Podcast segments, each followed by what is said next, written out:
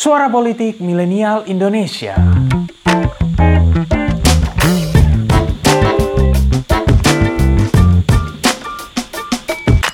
Alasan lain adalah karena Wirabumi putra Ramanda Hayam Wuruk. Ia merasa paling berhak daripada aku yang hanya seorang menantu. Meskipun seharusnya ia memahami bahwa istriku putri permaisuri, sedangkan ia terlahir dari seorang selir. Bagaimanapun juga, dia telah merongrong kewibawaan Majapahit Ini adalah kata-kata Wikramawardhana, Raja kelima Majapahit yang memerintah berdampingan dengan istri sekaligus sepupunya Kusumawardhani yang merupakan putri dari Raja Hayam Wuruk. Cuplikan ini diambil dari salah satu film kolosal epik berjudul Saur Sepu Satria Madangkara karya Imam Tantowi yang tayang tahun 1987. Film ini berkisah tentang pertikaian yang timbul di kerajaan Majapahit sepeninggal Hayam Wuruk, di mana Bre Wirabumi yang merupakan putra Hayam Wuruk dari selirnya merasa lebih berhak memimpin Majapahit dibandingkan Wikramawardhana. Pertikaian ini berujung pada perang Paregrek antara Istana Barat Majapahit melawan Istana Timur Majapahit. Dan yes, seperti yang terjadi pada kehancuran kerajaan Romawi yang salah satunya terjadi akibat perang antara Romawi Barat melawan Romawi Timur, demikian pun juga yang terjadi pada Majapahit, sehingga menyebabkannya terus mengalami kemunduran akibat pertikaian ini. Namun perdebatan yang menjadi konsen para sejarawan atau bahkan para penggemar cerita sejarah seperti kita-kita ini adalah seberapa besar sebenarnya kekuasaan kerajaan Majapahit.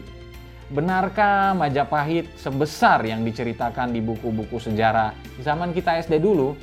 Lalu apa yang sekiranya akan terjadi jika Majapahit tidak runtuh dan masih bertahan hingga saat ini? Hmm. Sebelum kita mulai, pesan sponsor dulu ya. Pinter Politik baru aja merilis beberapa seri e-book loh yang berisi kumpulan tulisan. Sudah ada membaca politik Jokowi, membaca politik Luhut, dan jalan politik Prabowo. Nanti juga akan ada seri-seri lanjutannya. Link pembelian ada di deskripsi ya. Back to the video, let's find it out on the desk.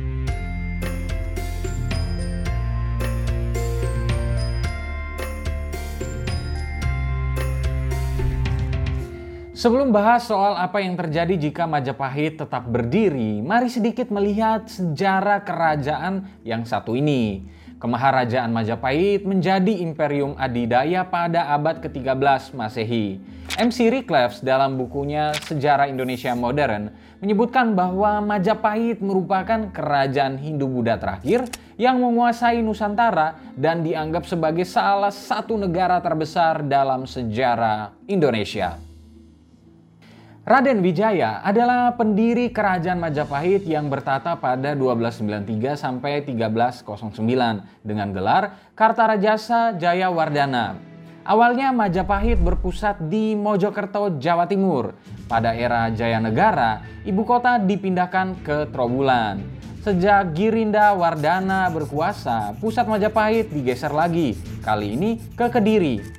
Majapahit kemudian mencapai masa jaya pada era Raja Hayam Buruk atau Raja Senegara berkat dukungan Mahapati Gajah Mada. Tahun 1336 saat pengangkatannya menjadi Mahapati pada era Tribuwana Tunggadewi yang adalah ibunda Hayam Buruk, Gajah Mada mengucapkan sumpah Amukti Palapa yang kelak melegenda. Gajah Mada bersumpah akan menyatukan wilayah-wilayah Nusantara di bawah naungan Majapahit. Kelak, ikrar ini kemudian terwujud. Dikutip dari buku Menuju Puncak Kemegahan Sejarah Kerajaan Majapahit karya Slamet Mulyana, Sumpah Amukti Palapa telah mengantarkan Majapahit ke gerbang kejayaan untuk pertama kalinya dalam sejarah. Wilayah kekuasaan Majapahit seperti tercatat dalam kitab Negara Kertagama meliputi Jawa, Bali, Sumatera, Kalimantan, hingga ke Indonesia bagian timur, termasuk Nusa Tenggara, Sulawesi, hingga sebagian Maluku.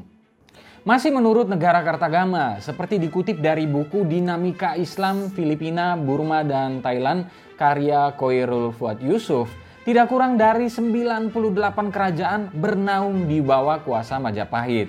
Pengaruh dan ekspansi Majapahit sampai pula ke negara-negara seberang dari Semenanjung Malaya, yakni Malaysia dan Brunei, Tumasik atau Singapura, serta sebagian Thailand dan Filipina. Angkatan Laut Majapahit waktu itu sangat kuat sehingga disebut sebagai Talasokrasi atau Kemaharajaan Bahari. Wafatnya Gajah Mada pada 1364 menjadi salah satu faktor penyebab melemahnya Majapahit. Hayam Wuruk yang sangat menghormati sosok penasihatnya itu tidak menunjuk Mahapati baru. Baginya Gajah Mada tidak tergantikan.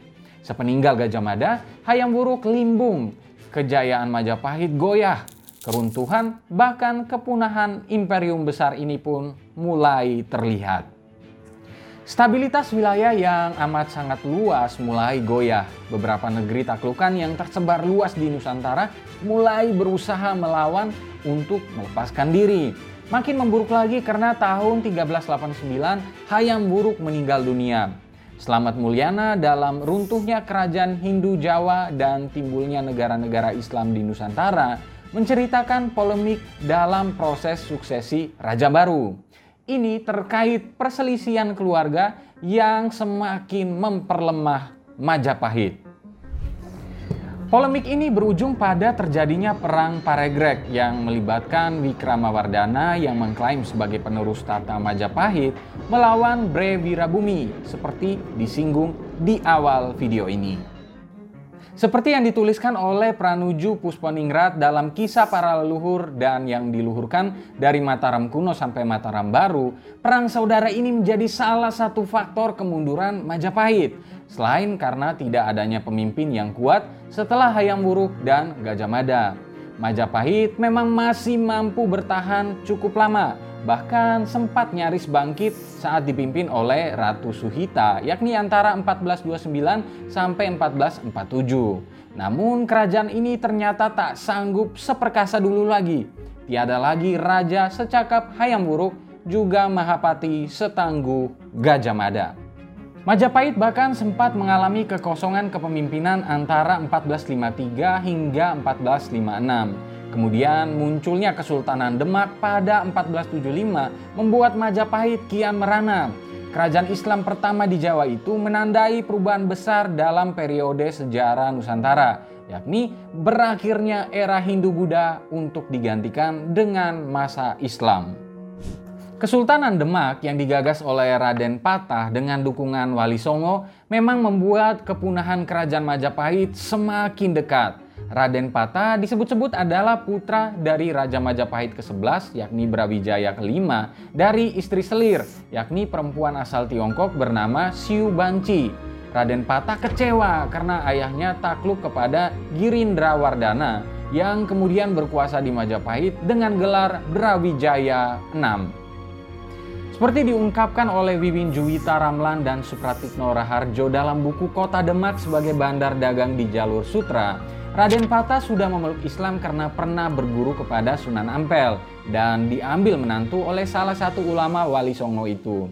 Pengaruh Islam bertambah kuat di Demak dan di banyak daerah lain di Jawa, berbanding terbalik dengan Pamor Majapahit dan Brawijaya VI yang tambah merosot semakin banyak daerah taklukan Majapahit yang melawan dan melepaskan diri.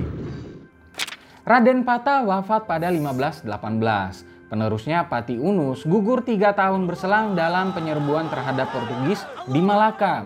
Dan yang memungkasi riwayat panjang Majapahit adalah pemimpin ketiga Kesultanan Demak, Sultan Trenggono. Pada 1527, Sultan Trenggono mengirimkan pasukan untuk menduduki Majapahit. Selain untuk menaklukkan kerajaan leluhurnya itu, Sultan Trenggono juga bermaksud memutus relasi antara Majapahit dengan Portugis yang saat itu sudah mulai terjalin. Serangan tersebut sukses, Brawijaya ke-6 terbunuh. Sejak tahun itulah riwayat kerajaan Majapahit tamat setelah Kesultanan Demak di bawah komando Sultan Trenggono mengakuisisi wilayah-wilayah taklukan yang masih tersisa. Nah, sekarang kita sampai ke perandai-andaian saktinya. Apakah mungkin Majapahit yang didaya itu akan bisa bertahan di tahun-tahun selanjutnya hingga sekarang?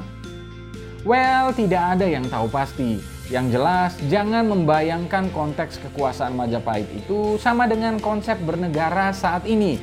Katakanlah seperti kita di Republik Indonesia yang punya batas-batas darat dan laut yang jelas, tegas, serta diakui dunia internasional. Beberapa sumber menyebutkan bahwa Majapahit ada di era feodal di mana kekuasaan yang diklaim menjadi satu kesatuan kerajaan Majapahit itu bentuknya bervariasi mulai dari provinsi sungguhan yang diperintah oleh seorang bangsawan Jawa yang tunduk pada Raja Majapahit di Trowulan atau kerajaan-kerajaan yang lebih kecil dan lemah yang rajanya setiap tahun mengirim upeti kepada Trowulan atau hanya sekedar pendirian pos dagang Majapahit dengan hak-hak istimewa yang diberikan oleh raja lokal. Jadi, identitas dan ikatan antar masyarakat masih sangat longgar. Let's say Sumpah Palapa itu tidak sama mengikatnya dengan Sumpah Pemuda 1928. Selain itu, konteks islamisasi yang terjadi di Nusantara juga akan sangat mungkin menjadi penghalang bagi tetap bertahannya Majapahit. Tapi balik lagi, misalkan saja nih, Hayam Buruk mewariskan kekuasaannya pada raja selanjutnya yang cakap dan Gajah Mada punya penerus yang tak kalah hebat. Hmm, apa yang akan terjadi ya? Well, tentu bisa saja tidak akan ada Indonesia kita akan bernama Majapahit sampai sekarang. Pemerintahan kita mungkin bukan republik, tapi monarki. Kemungkinan terbaiknya adalah monarki konstitusional.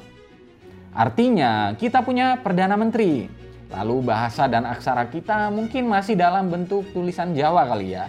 Kemudian, selama penguasa selanjutnya itu bisa memperkuat kelonggaran identitas yang sebetulnya tidak kuat di era Majapahit, kemungkinan untuk bertahan sebagai negara besar tentu saja akan ada. Tapi kalau hal itu tidak terjadi dan dengan gelombang kolonialisasi yang masuk ke Nusantara, sangat mungkin wilayah Majapahit pada akhirnya hanya akan meliputi wilayah Jawa dari tengah hingga ke bagian timur dan ke sekitarnya saja.